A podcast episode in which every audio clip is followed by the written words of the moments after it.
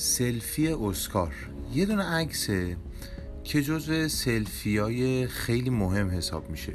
توی اسکار سال 2014 به میزبانی الن دجنرس یه عکسی گرفته میشه که الن پشت به جمعیت میاد سمت سوپر استارا میاد که یه عکس سلفی بگیره برادلی کوپر به گفته خودش میگه که دوربین رو بده من بعد دستم بلندتر عکس رو میگیرم میان توی در واقع همه سوپر استار توی عکس جمع شدن مثل کسایی مثل مریل استری، براد پیت، کوین اسپیسی، جنیفر لارنس با چند تا سوپر استار دیگه مثلا 8 9 نفر توی تصویرن. اما کاری که الن دجنرس انجام میده بعد از اون منجر به یه سری تغییرات خیلی مهم میشه که اصطلاحا میگن در واقع روح رسمی بودن هالیوود رو تحت تاثیر قرار میده بعد از اینکه کوپر عکس رو میگیره الن دجنرس رو سریع توی توییترش توییت میکنه این عکس تو کمترین فاصله بیشتر از 3 میلیون بار ریتوییت میشه که در واقع این اتفاق بیشتر از هر عکس دیگه ای توی تاریخ میفته و خیلی دیده میشه این عکس که با موبایل سامسونگ گرفته شده و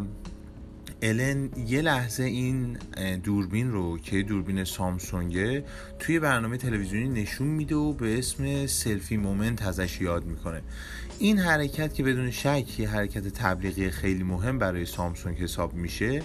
بعدا سامسونگ اینو اعتراف میکنه که این اتفاق باعث شده تو کمترین زمان ممکن سامسونگ یک میلیارد دلار افزایش ارزش سهام داشته باشه که دوباره این به نوبه خودش دوباره سریعترین در واقع تاثیر عکس روی تبلیغات تجاری دوباره حساب میشه. این خودش رکورده.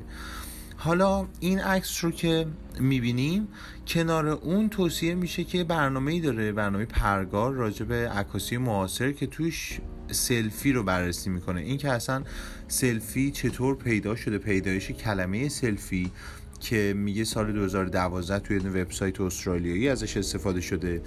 و سال 2013 که به عنوان مهمترین کلمه سال انتخاب میشه سال 2015 تو فرهنگ لغت فرانسه سلفی اضافه میشه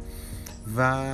این عکس بدون شک یکی از مهمترین عکسای سلفی حساب میشه که تونسته اشلای متفاوتی رو تو کمترین زمان ممکن جابجا کنه. خیلی عکس جالبیه با اینکه خیلی ساده به نظر میاد ولی وقتی میبینیم یه تأثیری توی اقتصاد تأثیری توی در واقع دیده شدن یک عکس که تا اون موقع تاریخ این مقدار دیده شدن توی کمترین زمان سابقه نداشته.